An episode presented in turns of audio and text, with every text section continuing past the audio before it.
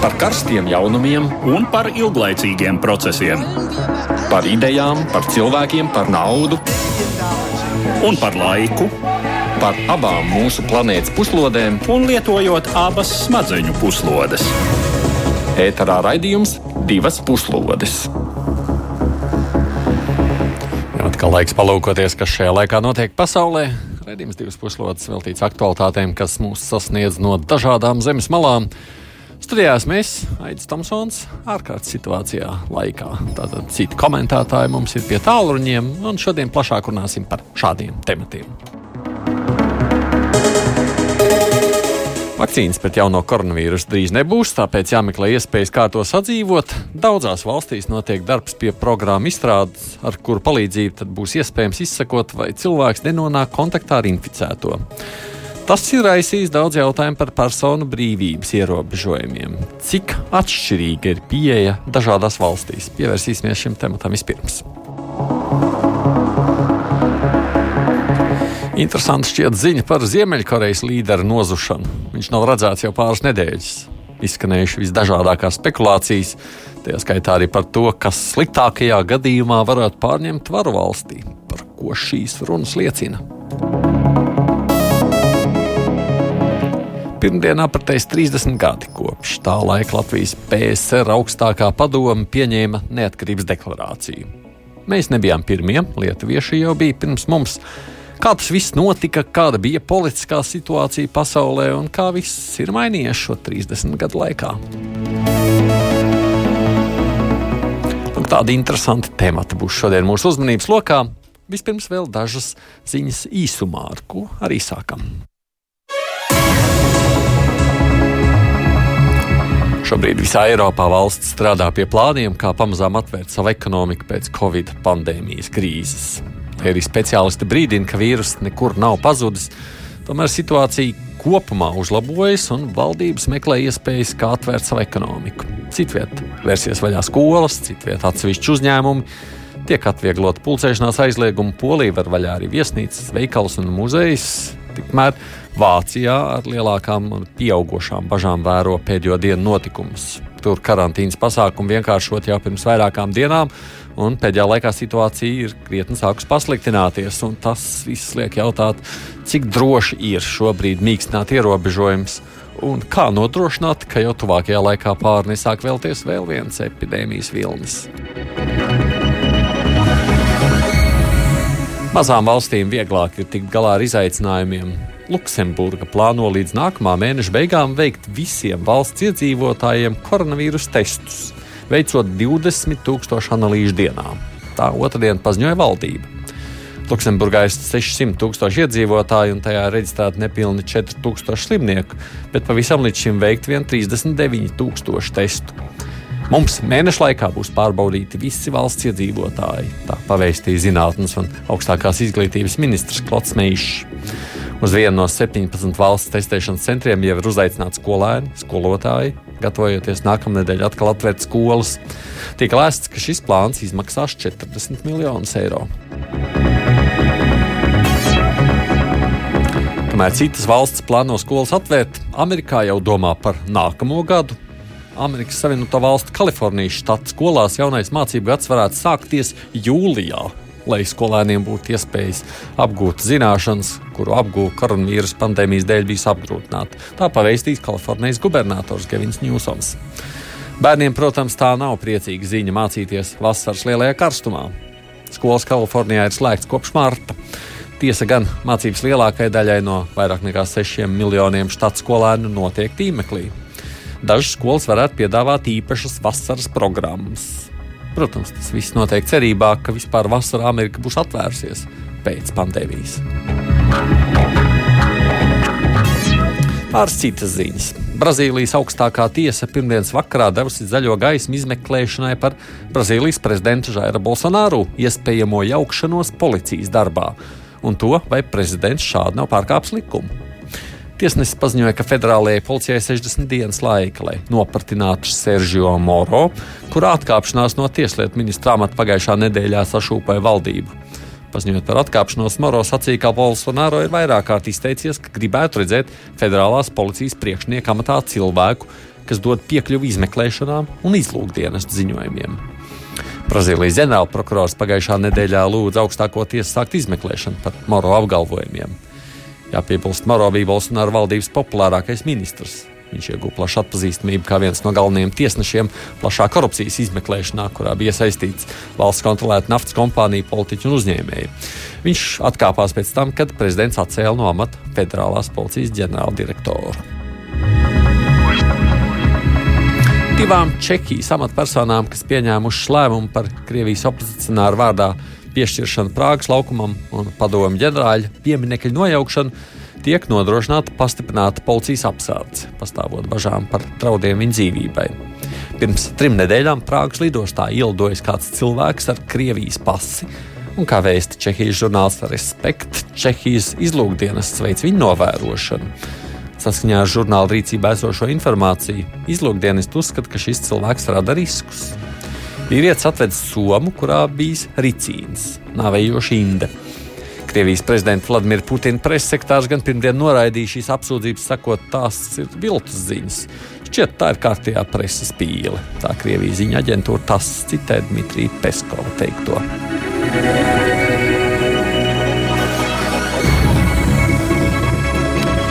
Bet nu tagad par sākumā minētiem tematiem plašāk un vispirms par izsekošanas programmām. Dienvidkoreja tiek minēta kā valsts, kam izdevies sekmīgi apkarot koronavīrusa epidēmijas izplatību, taiskaitā efektīvi lietojot digitālās izsekošanas tehnoloģijas. Ziņas par saskarsmi ar inficēto tika izsūtītas visiem ar viņu kontaktējušajiem, tā ļaujot apzināties risku un saulaicīgi pārbaudīties. Datu apkopošanas ziņā Dienvidkorejas varas iestādes neieviesa neko principiāli jaunu, pamatā pielāgojot epidēmijas situācijai jau esošos instrumentus. Tā piemēram, arī līdz šim valdības institūcijas apkopoja datus par visiem finanšu darījumiem, kontrolējot nodokļu nomaksu. Tāpat vispār pieņemta praksa ir centralizēta novērošanas kameru datu apstrāde. Tagad šie risinājumi tika izmantoti inficēto personu kontaktu vēstures izsekošanai. Sabiedrība pie šādas valsts modrās acis esot jau pieradusi, tāpēc lielam lielais vairums dienvidkorejiešu šo praksi cīņā ar pandēmiju vērtē pozitīvi.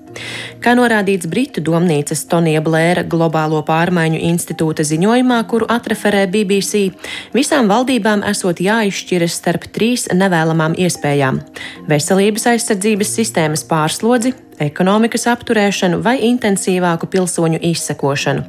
Un kā uzstāja ziņojuma autori, sabiedrībai vajadzētu pieņemt privātuma pārkāpumus, kas vēl pirms neilga laika liberālā demokrātijā būtu neiedomājami, lai nebūtu jāmaksā ar dzīvībām vai labklājību.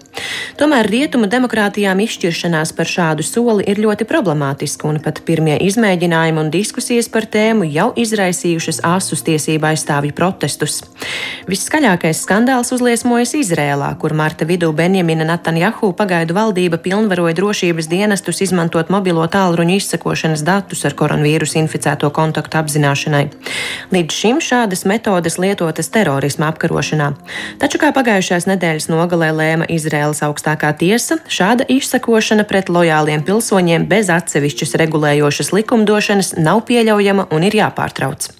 Vairākās Eiropas valstīs tiek apsvērta iespēja izmantot inficētā kontaktpersonu apziņošanai mobilā tālruņa atrašanās vietas noteikšanas sistēmu, gan garantējot pilnīgu anonimitāti un brīvprātību. Tomēr Francijas un Vācijas valdības, kuru plānotā sistēma paredz datu centralizētu glabāšanu, jau sadūrušās ar kategorisku nē no tehnoloģijas izstrādātāja kompānijas Apple puses. Apple sadarbībā ar otru digitālo tehnoloģiju gigantu Google strādā pie aplikācijas aplikācijas, kas nodrošinātu pilnīgi decentralizētu apziņošanas sistēmu. Attiecīgais tīmekļa protokols jau ieviests Šveicē un Austrijā, un drīz to varētu pieņemt arī Igaunijā. Telefoniski šobrīd mūsu raidījumam pievienojas Austrum Eiropas politikas pētījuma centra pētniece. Viņa ir arī Rīgas Traģiņu universitātes doktorante Beāte Livdānska. Labdien, Beāte! Labdien! Jā, un arī mūsu raidījuma veidotājs un komentētājs Edvards Liniņš. Sveiks, Edvards! Labdien! Palīdziet man mazliet īsti saprast, kā tā tehnoloģija, tās programmas darbojas. Edvards, tu vari mazliet tās, tev tā bilde ir skaidrāka? Nu, cik nu man tā tiešām ir skaidra. Es maz saprotu no tehnoloģijām, bet lietas būtība, acīm redzot, ja mēs runājam par Eiropas Savienības tiesisko telpu šajā jā, gadījumā, jā. tad neviens īsti Eiropas Savienībā šobrīd neizskata versiju, neviens izņemot sazvērestības teoriju uh, radītājus un arī dažus latviešu karikatūristus, kā es šodien pamanīju Facebookā. Uh, tātad neviens neizskata versiju, ka valsts drīkstētu izsekot uh, saslimušos vai inficētos uh, tādā veidā, kā tas notiek teiksim, Dienvidkorejā. Tātad mhm. apkopojot informāciju par viņu pārvietošanos no uh, video kamerām, no uh, viņu iepirkumu vietām, uh, ar, izmantojot um, kredītkarti un uh, acīm redzot arī uh, mobilā telefona atrašanās vietu izsakošanas. Mēs zinām, ka uh, nu, teiksim, Google Maps piemēram, ir tāda opcija, uh, kuru ik viens var pieslēgt, proti, jūs redzat mm -hmm. savu pārvietošanos visā pasaulē, tos punktus, kurus jūs esat apmeklējuši. Vai arī savu un, ģimeņu cilvēku, kur viņi atrodas. Tas arī ir jā, iespējams. Jā, jā. Bet nu, tas, tas viss notiek tikai starp jums un tā sacīt uh, to lielo, uh, lielo Google. Ja? un uh, neviens valsts ierēdnis nevar, ņemt, nevar saņemt šos datus, uh, un arī neviens cits nevar un nedrīkst. Un tā tehnoloģija tā ir izstrādāta, ka nedrīkst saņemt šos datus -hmm. Tā tad savai lietošanai. Nu, vai katrā, nu, es nezinu, kā tas ir gadījumā, kad ir attiecīga tiesas sankcija un kad ir teiksim, krimināla nozieguma izmeklēšana. Tad laikam gan no mobilo telefonu kompānijām var saņemt informāciju, kas tur arī tiek fiksēta. Bet nu, pamatā tā tad runa ir par to, ka ja kaut, kas, ja kaut kāda izsekošanas sistēma tiek ieviesta demokrātiskā valstī, Eh, tad tā būtībā, tai būtībā ir jābūt sistēmai starp um, inficēto un viņa kontaktpersonām. Ka būtībā tātad, nu, mēs piekrītam, ka cilvēki, ar kuriem mēs esam bijuši saskarē, uh, saņem to brīdinājumu. Un tad var izvērtēt, vai viņiem doties pārbaudīties, uh, vai savukārt informēt par to citus, uh, ar kuriem ir saskārušies, informēt savu darba devēju un tam līdzīgi. Beāta, jums arī, ko jūs sakāt par tām bažām?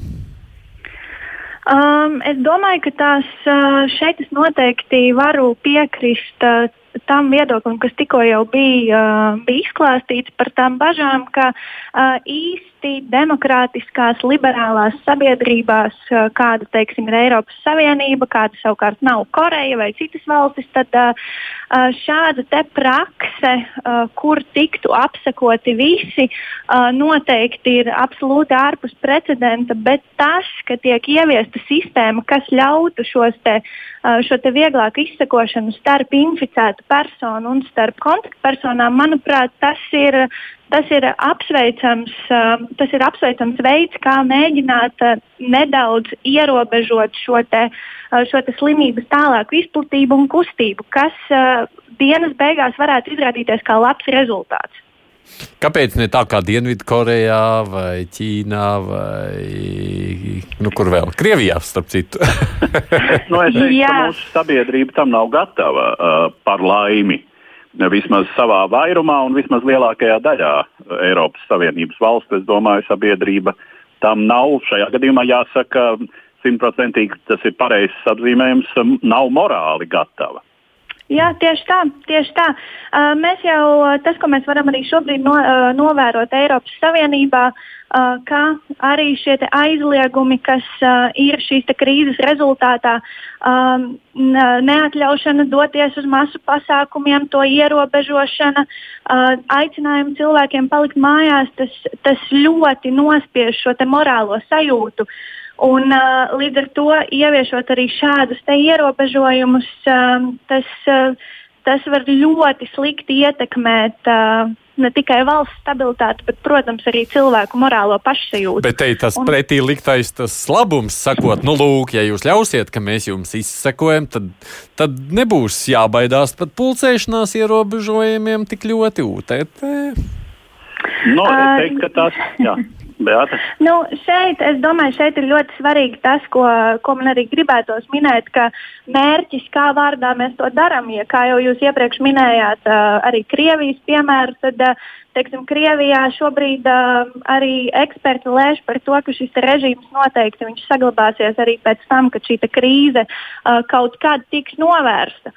Līdz ar to iespējams, ka ieviešot šādas ten, uh, izsekošanas, uh, ne izsekošanas, bet apsekošanas metodes uh, un paskaidrojot sabiedrībai, ka varbūt, kāda, ka varbūt tas ir sabiedrības veselības labā un tās tiks atceltas pēc šīs krīzes beigām, iespējams, ka mēs varam panākt šo labāko un veiksmīgāko rezultātu.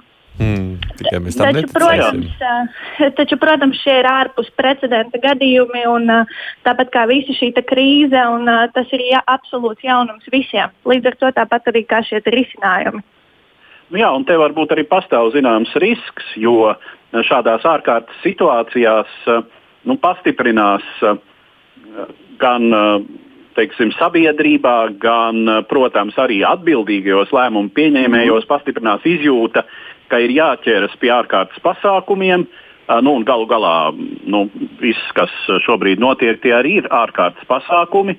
Jā. Un tāda, tāda vēlme, protams, tīri psiholoģiski, nu, ir, ļoti, ir ļoti saprotama un tas skārdinājums um, ķerties pie, tādām, pie tādiem izsakošanas līdzekļiem uh, uh, ir liels. Nu, te ir jāsaka tā, pirmkārt, uh, mēs īsti nevaram pat iztēloties, ko tas nozīmētu šodien. Uh, daļā Eiropas, tur, kur pastāvēja totalitārie režīmi, uh, tur, protams, mēs zinām, kas to esam pieredzējuši jau apzinīgā mm. vecumā, ko nozīmē šāda izsakošana. Jāsaka tā, ka toreiz nu, tās tehnoloģijas, kuras bija uh, Eh, padomju valsts drošības komitejas, eh, Austrumvācu štāzija rīcībā. Eh, nu, tas, ir, tas ir akmens cirvis salīdzinot ar to, kas šobrīd ir tehnoloģiski iespējams.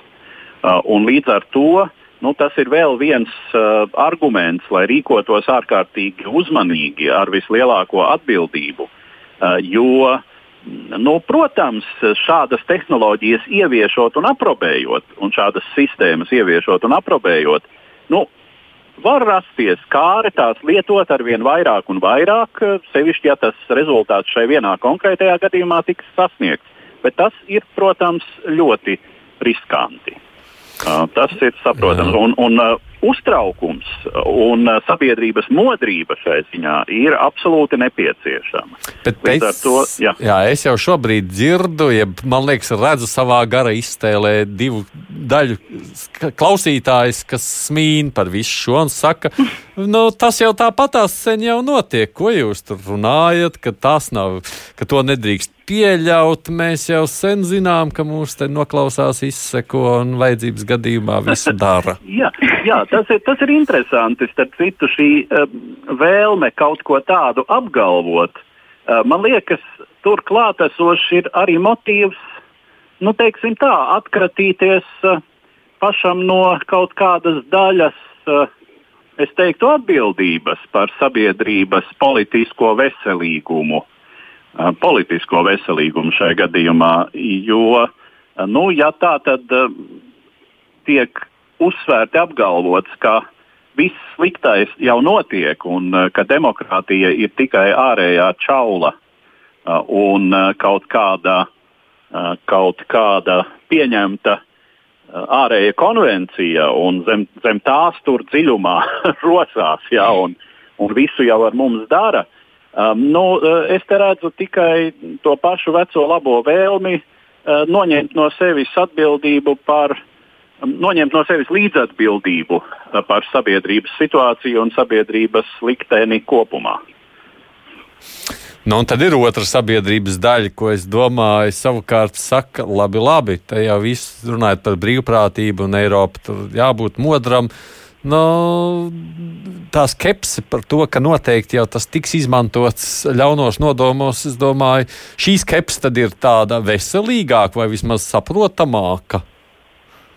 Nu, šī skepse ir saprotama līdz teiksim, saprāta robežām. Ja?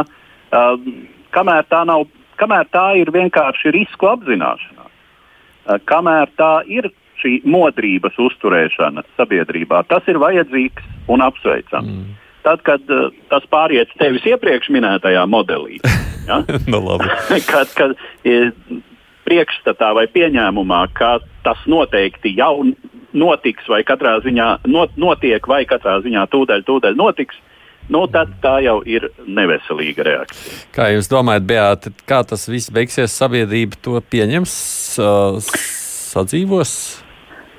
Es domāju, ka šobrīd ne tikai Latvijā, bet uh, visās, visās valstīs, tā skaitā Eiropas Savienībā un citur pasaulē, kur šī krīze ir izplatījusies, tad uh, Mēs šobrīd esam patiesībā tādā, tādā nenogaidīšanas periodā, bet teiksim, tā vērošanas periodā. Uh, redzam arī, ka valdības taustās uh, teiksim, ar, uh, ar uh, ierobežojumu mīkstināšanu vai atcelšanu pavisam. Redzam to, ka kaut kādā ziņā tiek testētas arī šīs te, cilvēku reakcijas uz to visu. Tāpēc, manuprāt, ir jāpaiet laikam, lai mēs varētu konkrēti jau redzēt, kāda būs šī reakcija arī pieņemot uh, jaunas un netradicionālas. Uh, Netradicionālas metodes, kā ierobežot šo krīzi, tāpēc uh, es domāju, ka tas ir, tas ir uh, novērojumu process un uh, tas uh, un tas finišēsies tikai tad, kad, mēs, kad šī krīze arī lēnām, lēnām tiks pārvarēta. Mm, man savukārt, kā kaimiņam, protams, interesē, kā tas viss, jeb kādas konsekvences tam visam būs Krievijā, jeb Maskavā, kur šobrīd tiešām viss ar novērošanas kamerām tiek sekmīgi kontrolēts, bet mums jāpievērš citam tematam. Ziemeļkorejas līdera Kima nozušanai.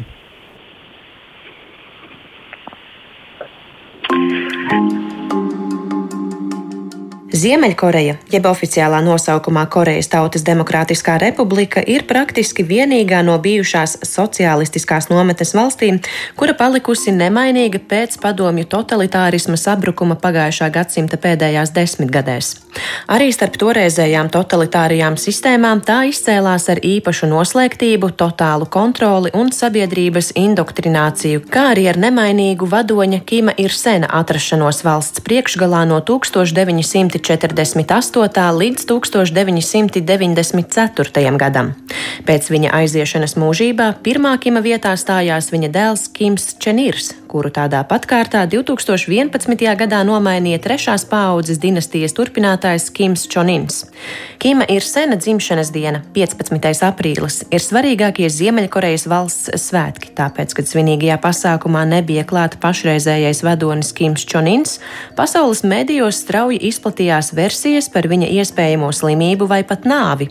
Tūlīt sāka cirkulēt arī apsvērumi par iespējamo varas pārņēmēju. Tā varot būt jaunākā no Kīma Čenīra atvasēm 1988. gadā dzimusī Kīma Jočena. Tomēr nekādas droši ticamas informācijas no pandēmijas situācijā hermētiski noslēgtās valsts pagaidām nav. Oficiālā Ziemeļkorejas ziņu aģentūra svētdien izplatīja foto uzņēmumu, kurā Kims Čonins redzams it kā vadot valdošās Korejas strādnieku partijas politbiroja sēdi. Savukārt kāds Dienvidkorejas mēdījis ziņojis, ka Ziemeļnieku vadonim esot bijusi nepieciešama sirds operācija. Šādu iespēju intensīvi pētot arī Savienoto valstu izlūkdienesti. Dienvidkorejas prezidents prezidenta ārlietu padomnieks Mūns Čonins gan pirmdien paziņoja, ka viņa valdībai nesot informācijas par Kima veselības problēmām. Iespējams, ka vadoņa neierašanās svētku parādē skaidrojama ar bailēm saķert koronavīrusa infekciju.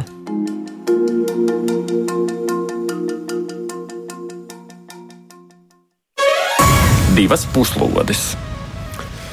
Ko jūs sakāt par šīm spekulācijām ap jaunāko Kimu Beāti?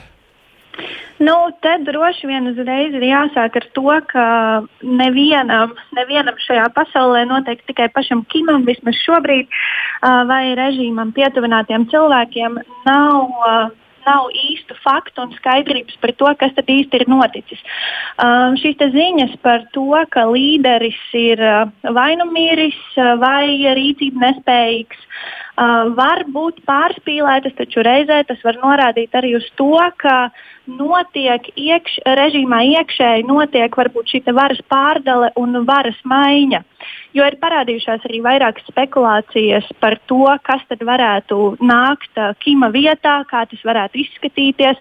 Iespējams, ka tā ir māsa, taču tas uh, eksperti uzskata, ka tas ir maz ticams, jo viņa tomēr ir sieviete. Un uh, šis režīms uh, īsti nevarētu atbalstīt sievieti kā līderi, taču pagaidām tas viss ir uh, spekulācija līmenī. Mm. Kāpēc tas šķiet tik interesanti mums? uh, es, domāju, es domāju, ka primāri interesanti ir tas, um, nevis uh, noteikti, kas ir noticis ar līderi, bet nu, tas, protams, arī, bet gan uh, kādu lomu š, šī varas pārdale, ja tāda, protams, notiks, atspēlēs uz paša režīma stabilitāti. Un kā tas ietekmēs savukārt tālāku stabilitāti jau visā Āzijas reģionā? Vai Ķīna to izmantos kā labu iespēju, lai iesaistītos un pārņemtu varu, mazinot, ja, mazinot Japānas ietekmi un reizē pilnībā izslēdzot arī Amerikas Savienotās valstis no, no Āzijas reģiona? Ir vairāk iespējami interesanti attīstības scenāriji. Edvards, ko tu saki? Jā, nu tieši tā. Protams, Ziemeļkoreja tas ir unikāls fenomens. Šāda dinastiska valdīšana nu, nepastāvēja nevienā padomju sistēmas valstī. Tik izteikti. Jā, bija vadonība, bija spēcīgie līderi valsts priekšgalā, bet tā varas nomaiņa, ja mēs runājam, lai tā būtu Padomju Savienība, lai tā būtu Ķīnas Tautas Republika, uh, vai Austrum Eiropas padomju satelītu valstis tomēr notika partijas virsotnes ietvaros. Tātad šais politbirojos tika meklēts varas mantinieks, bet ne jau ģimenē, ne jau dēls un pēc tam mazdēls un tagad vēl uh, mazmeita. Un, uh, no ar to Koreja ir īpatnēja un šķiet, ka tur uh, patiešām šī Kimu ģimene uh, ir uh, nu, uh, pacelta tādā, tādā kulta līmenī, par kādu, eh, teiksim, Staļins vai Ļeņins īsti pat sapņot nevarēja, un arī uzskatīt to par, eh, par nepieņemamu, jo tas jau izskatās pēc monarhistiskas varas mantošanas. Mm -hmm. un, eh, protams, ka šajā brīdī vēl tas ir, tas ir tā spilgti mm, un, teiksim, zināmā mērā var mest tiltiņu uz mūsu nākamo tematu. Tad motīvos par to, kas varētu notikt, ja Kims tiešām uh, aiziet labākā saulē, un viņa vietā nāk nu, kāds cits, kuram varētu būt, kurš varētu vai nu nepiederēt pie šīs sakralizētās ģimenes, vai arī nu, teiksim, jā, māsa, jaunākā māsa, sieviete, varbūt ar citādu tomēr izjūtu, tad runa šajā gadījumā, atšķirībā no tā, kā varbūt uz to lūkotos pirms 30 gadiem, nav pirmkārt par to, kā Koreja varētu tomēr demokratizēties, kā tā varētu, kā Korejas tauta varētu atbrīvoties varbūt no šī mm, absurdā totalitārisma un tā tālāk. Bet pirmkārt par to, kas notiks ar kodolieročiem, vai šī valsts nedestabilizēsies uh, tik tālu, ka uh, tur nesāksies iekšēja, iekšējs um, karš, varas cīņa ar militāriem līdzekļiem. Militārais potenciāls tur ir uzkrāts milzīgs. Um, valsts ir totāli militarizēta, dažādu šaujamo, visu kalibru iespējamo tur netrūkst. Uh, ir diezgan skaidrs, ka tur ir citas starpā bakterioloģiskie un um, ķīmiskie ieroči, arī pietiekami arsenāli. Uh, ja pēkšņi tas viss kļūst tā vai citādi nekontrolējams, Eh, tas pasauli šobrīd uztrauc krietni vairāk eh, nekā Korejas tautas liktenis, vai, vai Ziemeļkorejā cilvēki nesāks mirt badā, eh, vai, vai viņi pēkšņi, ja tur iekļūtu koronavīrusa infekcija, tad kā tā sistēma cīnītos ar to, nerunājot par, nerunājot par šīs sabiedrības tieksmi pēc brīvības, par ko vispār teju nekas netiek runāts visa šī kontekstā. Tas man šķiet tā ļoti spilgti un zīmīgi. Uh, un, pro, bet par ko, protams, tiek runāts? Tiek runāts par to, kā šādā gadījumā um, apkārt esošās lielvalstis um, nu, pārdalīs tiešām ietekmes sfēras. Līdz šim, protams, Dienvidkoreja ir bijusi uzticams Savienoto Valstu sabiedrotais un paļāvusies uz Savienoto Valstu atbalstu, tā izskaitā militāri, stāvot pretī totāli militarizētajai Ziemeļkorejai. Savukārt Ziemeļkoreja savulaik, protams, bija Padomju Savienības sabiedrotā un satelīts. Pēc tam vairāk vai mazāk balstījās uz Ķīnu, lai gan nu, tā, Ķīna arī no Ziemeļkorejas viedokļa ir aizgājusi pa idejiski nepareizo ceļu, iesaistoties brīvā, brīvajā tirgū, mm -hmm. kas, kas ir nu, šim ortodoksālam marksistiskajam modelim pretēji. Jā, piebilst tikai tāda maza replika no manas puses. Uh, tas pārbeidzējs, kas tika viens, kurš nesen jā, tika sašauts no ķīniešu puses un tā, tā tad ārstījās Ķīnā.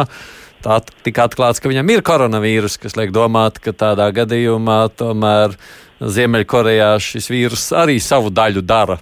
Vienīgi pār, pārmetot to tiltiņu uz iepriekšējo, nevis uz nākamo tēmatu. Interesanti, ka neviens neko nezina. Mūsu tā sajūta, ka redz visu, taču izlūkdienest izpēta un visus noklausās un visu zina. Redzi, nevar noskaidrot, kas ir noticis divas nedēļas ar valsts vadītāju. Jā, nu, var izteikt tikai versijas, vērojot no satelītiem, kur atrodas viņa vilciens. vilciens. tas ir viss. Kā jūs domājat, Beat, kā tas viss tur beigsies? Uh, es domāju, ka tas, ko jūs tikko minējāt, ka neviens īsti nevar izsekot līdzi, kas notiek ar līderi, tad uh, es domāju, ka viena no šīm versijām varētu būt arī tāda, ka iespējams patiešām, kamēr notiek šī kaut kāda uh, iekšējā varas pārdale un uh, pārnese, uh, tad iespējams, ka šādi vienkārši tiek novilcināts laiks. Um, apzināti uh, radot mm -hmm. iespēju, ka nevienam nekas nav zināms. Nu, protams, uh, Uh, un arī neļaujot dienestiem nekādā veidā uzzināt šo informāciju. Uh, par to, kas notiks tālāk, es domāju, parādīs uh, tuvākās nedēļas, jo noteikti, ka valsts bez līdera vai kādas informācijas par to, kur nu viņš ir palicis, īsti ilgi nevarēs, nevarēs klusēt. Uh, līdz ar to es domāju, ka tuvāko nedēļu laikā mēs uzzināsim, vai pie varas uh, nāks uh, jauns līderis no ģimenes iekšienes, vai arī uz šo notikumu attīstību skatīsimies citā gultnē, kur, piemēram, līderis atveseļojas vai tomēr ir spējīgs pieņemt lēmumus un atgriezties valsts vadītāja amatā. Mm. Jā, nu tas, ir, tas ir jautājums visiem šiem uh, nedemokrātiskajiem režīmiem. Jā kas, kas uzpeld pilnīgi visos šādos gadījumos. Nu, ja mēs atceramies par uh, to pašu Krievijas prezidentu Vladimiru Putinu, kad Pazušan, viņš pārspējas arī līdzīgā jā, veidā nozudis uz jā, kādu laiku jā. no skatuves, tad vienmēr ir šie jautājumi, vai viņš vispār vairs ir dzīvs. Mm. Nu, tas ir tāds uh, šīm autoritārajām sistēmām raksturīgs, uh, autoritārajām sistēmām raksturīgs fenomens. Uh, pilnīgi neizbēgams. Jo tur ir tā lieta, ka vienmēr, kad ir. Kad, kad šāda nozušana notiek, tad uh, paralēli versijai, ka nu, vienkārši saslimis vai arī nevēlas saslimt, kā tas ļoti varētu būt tagad, ir otra versija, uh, ka ir jau novākts vai mājas arestā un tiešām notiek uh, varas pārdale. Jā. Lai arī kā nebūtu, šeit no esam pārmetuši tiltiņus to vēl vienu tematu, proti, kā paši jau esam savulaik tādā valstī dzīvojuši, es atceros sajūtas 80. gados, kad domāju, hmm, kurš šis līderis pazudis ir un kas ar viņu ir noticis. Toreiz jau atceramies. Atkal, atkal gulbju ezers. Jā, nu, kā mēs zinām, Korejā šobrīd gulbju ezeru vēl neviens nespēlē. Bet tā tad turpinām par savu tematu, proti mums pēc dažām dienām tiešām svarīgi jubileja. Nula iznākušajā grāmatā Latvijas diplomātijas gadsimts Eiropas parlamenta deputāte Sandra Kalniete raksta. Neatkarības deklarācijas pieņemšana 1990. gada 4. maijā bija ļoti saviņojoša. Kā plenārsēžu zālē, tā arī pie augstākās padomas ēkas valdīja pilnīga eiforija. Prieka pārpilnībā likās, ka līdz ar mums priecājas visa pasaule, un jau rīt mūsu draugi Eiropā un ASV teiks Maskavai, Mēs gribam izlabot nodevību, kuru pieļāvām Jaltā, un jums vairs nav nekādu tiesību paturēt Latviju padomju gūstā. Drīz mēs, tāpat kā lietuvieši un igauni, varējām pārliecināties, cik ļoti starptautisko tiesību principi atšķiras no starpvalstu attiecībās valdošās realpolitika, kur neviens nevēlējās mainīt un apdraudēt gadu gadiem piekoptās attiecības ar atomu lielvalsti PSRS periodā, kad tās ārpolitikā un iekšpolitikā Mihails Gorbačovs bija iezīmējis cerīgas pārmaiņas. Kalnietis kundze, viena no pirmajām atjaunotā Latvijas ārlietu dienesta veidotājām, kodolīgi raksturo dilēmu, ar kuru tobrīd saskārās rietumu demokrātija politiķi un diplomāti. No vienas puses, lielam lielais vairums brīvās pasaules valstu nebija atzinušas Latvijas inkorporāciju PSRS sastāvā de jure. Teorētiski tas prasītu tūlītēju neatkarības atzīšanu situācijā, kad Baltijas nācijas bija apliecinājušas savu prasību pēc neatkarības atjaunošanas nevien masu mītiņos un tautas kustību deklarācijās, bet tagad arī demokrātiski ievēlēta parlamenta balsojumā. No otras puses, pusgadsimtu pastāvējušai politiskajai kārtībai bija milzu inerce. Vairums šo rietumu valstu pārstāvju bija auguši, skolojušies un guvuši pieredzi ar izjūtu par šīs kārtības stabilitāti un citādas, lai cik arī teorētiski pareizas realitātes atzīšana lika zināmā mērā laust arī savu uzskatu sistēmu. Un, protams, bija rūpes par Mihailu Gorbačovu, jaunā tipa padomju līderi, kurš solīja pievērst bolševistiskā totalitārisma zonu demokrātiskām vērtībām. Vēl vairāk nekā gadam bija jāpaiet nepieredzēti straujās un dramatiskās pārmaiņās līdz Padomju Savienības sabrukums kļuva par nepārprotamu realitāti, un vēl krietni ilgākam laikam, līdz Latvija un pārējās divas Baltijas valstis ieņēma pienācīgo vietu Eiropas un pasaules politikas izkārtojumā. Atgādījumi pie tālruņa ir Beata Livdānska, Nedārds Liniņš, un mums vēl pievienojas arī Vidzemes augstskolas lektors, kurš arī ir Strīgstradiņu universitātes doktorants Jānis Kapustāns. Labdien, Jāni! Sveiki! Neviens jau negrib mainīt ierasto lietu kārtību. Es klausījos tagad to ierakstu, bet man šķiet, mēs jau arī Latvijā toreiz. Nu, es, labi, es biju jauns students, apzinājāmies jau, ka rietumi nekur nesteigsies uzreiz mums atņemt padomju savienībai. Jūs atceraties tās savas sajūtas? Jā, protams, atkarībā protams, no kuras puses mēs skatāmies. Ja mēs skatāmies no Latvijas puses, tad mums bija liels cerības, ka Mums vajag tikai ievēlēt parlamentu, tātad augstāko padomu, kas pieņems neatkarības deklarācijas. Mēs pieņemam neatkarības deklarāciju, un tālāk viss aiziet automātiski, ka pasaule mūs saprot, jo teiksim, taisnība ir mūsu pusē un lietas strauji virzīsies uz priekšu. Un, protams, ir pasaules skatījums, uh, reāla politika, kur Padomu Savienība ir viena no divām tomēr militāri spēcīgākajām lielvalstīm. Skaidrs ir, ka tādi spēcīgi spēlētāji klāji atklāti neviens izaicināt nevēlējās. Plus rietumu uzskatīja, ka uh, Padomu Savienības līderis Mihāls Gorbačovs ir tomēr daudz demokrātiskāks un pieņemamāks nekā iepriekšējie PSRS līderi. Tāpēc rietumos bija arī tas uzskats, ka nedrīkst darīt neko tādu, kas teiksim, grautu, ja vājinātu Gorbačova pozīcijas. Tas kā Baltiešiem ļoti traucē, jo skaidrs ir, ka Gorbačovs tomēr visiem spēkiem centās pasargāt Padomu Savienību un nepieļaut Baltijas valstu, jauno Baltijas valstu aiziešanu no Padomu Savienības. Mm -hmm. Es gan nezinu, kā tev, Edvard, es pats atceros, ka man jau toreiz likās, nē, nē, nu, protams, reāli jau tas tā tik ātri nenotiks. Ir jau skaidrs, ko tu, Edvard, atminies.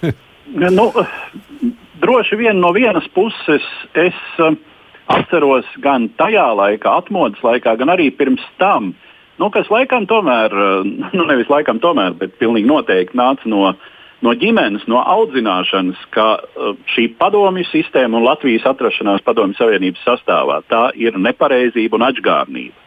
Uh, un, ka, Vai nu, teiksim, es piedzīvošu to savā dzīves laikā, šīs valsts sabrukumu un eh, vai vismaz Baltijas aiziešanu no Padomju Savienības sastāva.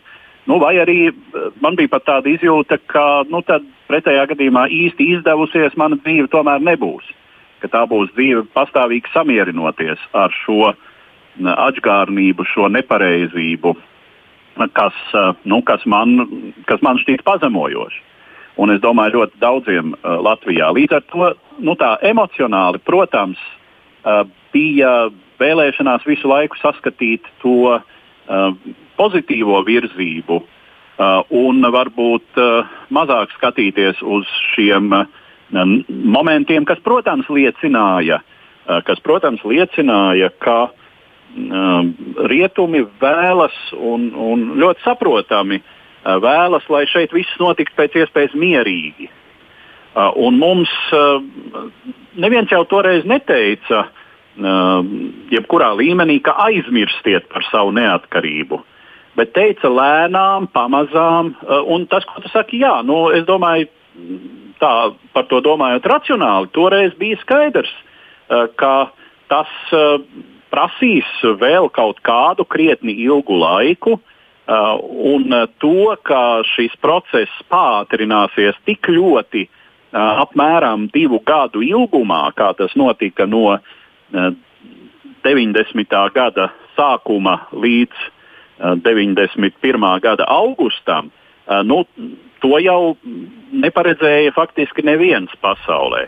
Un tagad jau ir izstrādātas arī tieši šo notikumu sakarā ir izstrādātas vēstures un politoloģijas teorijas, kas runā par to, ka notiek šis vēstures, kā to sauc, sabiezinātās vēstures situācija. Eh, kad vēstures notikumi strauji un līdz tam neprognozēti pātrinās eh, tajā brīdī, kad nu, teiksim, vara tādu vai citu motīvu dēļ, totalitāra vara, nedemokrātiska vara palaiž vaļā drusku, drusku brīvības ventīli, mēģina drusku nolaist tvaiku, bet mm. tik līdz mazliet ir pavērts vaļā tā. Mm Uh, tas vairs nav apturēts. Nu, labi, bet mums uh, jautājums vēl savukārt, nu, Beatai es neprasīšu par atmiņām. Beatai drīzāk jāsaka, ir vispār iespējas tā no tāda 30 gadu atspratuma vispār mēģināt saprast, kas ir noticis pirms tiem 30 gadiem, salīdzinoši te ar tiem, kurus saka, o, nu, mēs jau tur bijām klāt. Uh, es domāju, ka tas, uh, tas, kā vismaz man ir iespēja uz to skatīties līdzi, jo, uh, diemžēl, pati klātam laikam nebiju, uh, tad uh, ir paskatīties uz to, kur mēs esam šodien. Uh, visas trīs Baltijas valstis. Uh, kā, kādas ir mūsu iespējas šajā te, uh, rietumu ietvarā, uz kuru mēs tā tiecāmies, kur vēlējāmies nonākt pirms 30 gadiem. Un tad tas mans vērtējums ir tāds, ka tie centieni uh, tikt uh, integrētām Eiropas Savienībā NATO tie centieni ir atmaksājušies. Jo šobrīd, ja paskatāmies, tad neskatoties uz to, ka Baltijas valstis ir mazas valstis, tomēr ir atsevišķi jautājumi, kur Eiropas Savienībā mēs varam paust savu viedokli un varam tikt sadzirdēti. Līdz ar to es domāju, ka tas ir tāds labs atskaites punkts, kā salīdzināt, kā salīdzināt šīs lietas, jo tiešām šis, te, šis te 30 gadu gājums mēs, pierāda to, ka mēs beidzot esam tikuši klāt šim kodolam, tur, kur vēlējāmies būt. Un tagad arī zinām, kāda ir tā realitāte, kā tas izskatās un cik labi mēs īsti iekļaujamies šajā rietumu sabiedrībā. Tā īsa atbilde noteikti ir tāda, ka Uh, ka ļoti labi, mēs esam tajā pareizajā vietā, kur, uh, kur toreiz arī gribējām būt. Tur mēs esam šodien. Nu, tas nebija, protams, aktuāli tikai Latvijā. Mēs to jubileju svinām kopā ar lietuviešiem un igauniem, tāpēc šajā raidījumā arī ar viņiem gribam pāris minūtes laiku veltīt. Esam sazvanījuši Vītauta Dižā Universitātes habilitāto zin humanitāro zinātņu doktoru profesoru Alvidu Butkus Lietuvā. Labdien, Butkus kungs! Jā, sveicināti. Kā jūs vērtējat šos 30 gadus? Kādi tie ir bijuši? Mēs, kā, mēs tiešām esam ļoti mainījušies no tas, tā, kas notika toreiz, 80. gada beigās un tagad.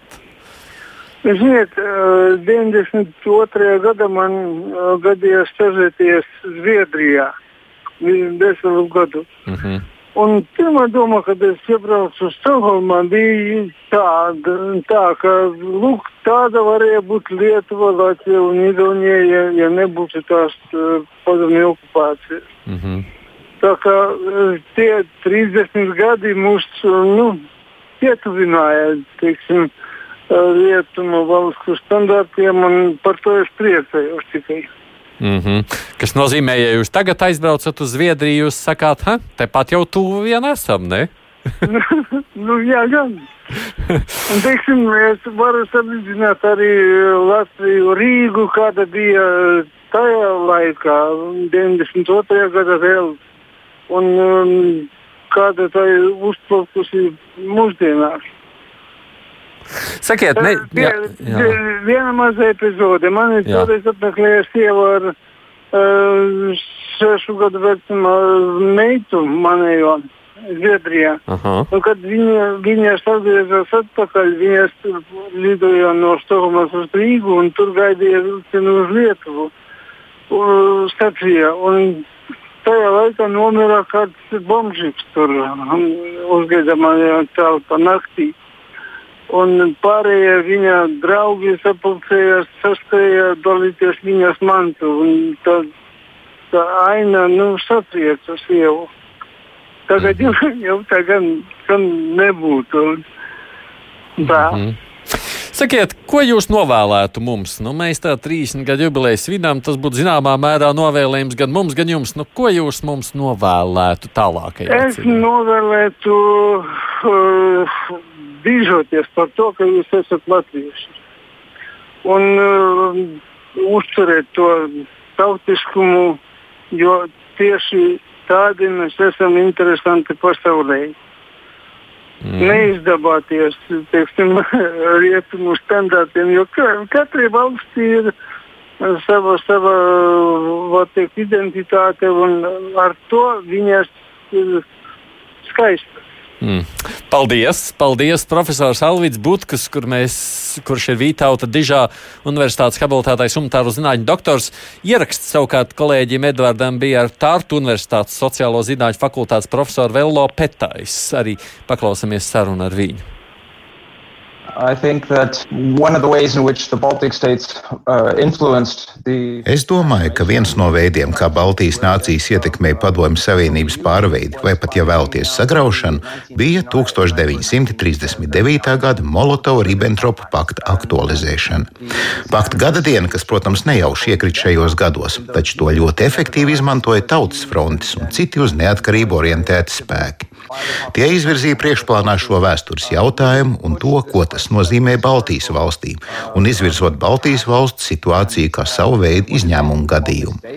Tas radīja lielu plaisu visā padomju sistēmā un deva arī citām nācijām domu, ka arī tām ir bijusi sava zaudējuma pieredze totalitārismu pastāvēšanas rezultātā, un lika novērtēt vispārējo totalitārismu nodarīto posmu. Tas ir viens no nozīmīgākajiem aspektiem, kā Baltijas valstis iedragāja Padomju Savienību. Otra nozīmīga ideja ir Baltijas tautu neatkarības centienu nevardarbīgais raksturs. Process gan gal galā noved pie atsevišķiem traģiskiem notikumiem Viļņā un Rīgā 1991. gada janvārī, taču kopumā šie notikumi palikuši vēsturē kā miermīlīgā dziedošā revolūcija. Pagājušajos 30 gados ne tikai Baltijas valsts, bet arī Austruma Eiropa un visa Eiropa kopumā ir piedzīvojusi ilgu pārmaiņu periodu ar vairākiem etapiem. Kad Baltijas Baltijas valsts kļuva neatkarīgas, sabruka Padomju Savienība. Iesākumā, protams, bija zināms neizlēmības un neskaidrības posms, kā pārējie Eiropas valsts saimēji veidot attiecības ar šīm trīs valstīm un kas vispār notiks tālāk. Es domāju, tad tika pieņemt ļoti drosmīgi lēmumi, uzņemot Baltijas valsts Eiropas Savienībā un NATO. Tie iekļāvās plašākā kontekstā, nozīmīgi paplašinot Eiropas Savienību un pārbūvējot visu Eiropas drošības struktūru. Viss šis Eiropas Savienības un NATO paplašinājums paplašināšanas process attīstījās ļoti labi līdz gadsimta pirmās desmitgades vidum. Taču tad mēs pieredzējām vairākas neveiksmes. Pirmkārt, tas bija konflikts starp Grūziju un Krieviju, pēc tam konflikts starp Ukrainu un Krieviju, kas sākās 2014. gadā ar Krimas aneksiju un turpinās joprojām. Manuprāt, šobrīd mēs atrodamies stadijā, kad notiek zināma šo notikumu inventarizācija un reinterpretācija. Man tas šķiet ļoti interesanti no manas sociologa viedokļa. Tas, kas agrāk šķiet neapturams rietumu sabiedrības modeļu un demokrātijas uzvaras gājiens, tagad tiek apšaubīts. Ir tādi, kur tagad pauž, ka iespējams šī rietuma izvēršanās un Baltijas valstu virzienā jau sevišķi bija draudz Krievijai un savā ziņā ir veicinājusi Krievijas atslīdēšanu atpakaļ nedemokrātiskas sistēmas virzienā. Es šādu argumentāciju īsti neatzīstu. Es, protams, uzskatu, ka Baltijas valstīm bija tiesības izvēlēties, kur tām būt. Tomēr mēs tagad vērojam, ka šī diskusija ir kļuvusi, ja vēlaties, daudz realistiskāk, novērtējot Krievijas reālās intereses un to, kā tās būtu ņemamas vērā. Tas šobrīd nostāda pirmām kārtām Ukrainu grūtā situācijā. Es uzskatu, ka Baltijas valsts visos šais jautājumos ir palikušas relatīvi vienotas, sevišķi, kas attiecas uz Ukrainu, arī uz Eiropas Savienības un NATO paplašināšanos kopumā. Šai ziņā es nekādas problēmas nesaskatu. Es tikai ceru, ka plašākā pasaules aina ar izmaiņām Savienotajās valstīs, ar Ķīnas lomas pieaugumu un, protams, Krievijas rīcību neapdraudēs šo progresu un iegūmus, kuri ir bijuši sevišķi nozīmīgi tieši Baltijas valstīm Padomju Savienības sabrukuma un Rietumvalstu kopības paplašināšanās rezultātā. That, uh, the Baltic states in particular have made through the, the collapse of the Soviet Union and the expansion of the Western community. Nu, tā profesors Velo Petais sarunā ar Eduardu Liniņu. Tā kā man tikai pāris minūtes piedodiet, jūs pirmie abi runātāji, es vēl Kapstānu kungam gribu jautāt. Vai, sakiet, kā jums šķiet, tā būtu, ja nebūtu tā Baltijas valstu kustība, neatkarības tās ilgas, ka padomju savienība vēl ilgāk būtu, nu, būtu palikusi? Es domāju, ka Baltieši viennozīmīgi bija viena no tiem spēkiem, kas palīdzēja drupināt eh, Padomu Savienību. Protams, ne jau mēs vieni paši to paveicām. Ļoti liels faktors bija pašā Padomu Savienībā cīņa par vārdu. Tātad es šeit domāju Boris Jēlčins pret Mihālu Gorbačovu. Bet uh, Baltiešiem bija, varētu teikt, avangarda faktors. Un es vēlētos uzsākt, ka būtībā pirmie, kas aizsāka šo kustību, lai, lai, lai kā arī mēs tam negribētu īsti ticēt, tomēr bija Latvijā šī vidas aizsardzības kustība pret uh, Daugavas. Daugavpils heistu, tā kā šeit bija šī pirmā kustība, tad nāca Igauni ekonomikas, teiksim, pašpārvaldes teiksim, iniciatīvas, un pēc tam jau lietuvieši straujāk tempu uzņēma. Mēs viennozīmīgi palīdzējām. Ja? Graut šo nedemokrātisko impēriju, kas saucās Padomu Savienībā. Te vēl var būt, eh, jā, jā, jā. Mūsu nopelnus nevar noliegt, un Būsons Maurits pat ir teicis, ka tā ir kā baltiešu atviedība Padomu Savienībai par 39. gadu. Bet vai pasauli to tā ir nu, tā apjautusi vai ap, aptvērusi, vai to mēs vēl nākotnes vēstures grāmatās rakstīsim vairāk par to? Es domāju, ka pasaule tik daudz neskatījās uz baltiešiem. Pasaule, protams, līdzīgi kā šodienas diskusijā debatēja, kas notiks ar Ziemeļkorejas ieročiem. Tāpat pasaule uztraucās, kas notiks ar Padomu Savienības ieročiem, Padomu Savienības armiju vai neizplatīsies kaut kāda konflikta. Kā pasaule skatījās, kas mm. Toreiz, jā, jā, jā. Bet nu, droši vien, ka vēl par šo tematiku jā, nākošajos gados arī vajadzētu mums pašiem vairāk runāt. Man jums jāsaka uzreiz paldies, tāpēc ka laiks ir beidzies. Vidzemes augstskolas lektors Jānis Kapustāns un Austrijas Austrumēropas politikas pētījuma centra pētniece Beata Livdānska. Viņi ir abi Rīgas Traģiņu universitātes doktoranti un arī raidījuma līdzautors veidotājs Edvards Liniņš. Es jums saku paldies par šo sarunu. Uh, nu, 4. maija jau būs daudz par ko runāt. Producents Loreta Bērziņa studijā bija iesaistīts Tamsons līdz nākamajai reizei. Divas puslodes!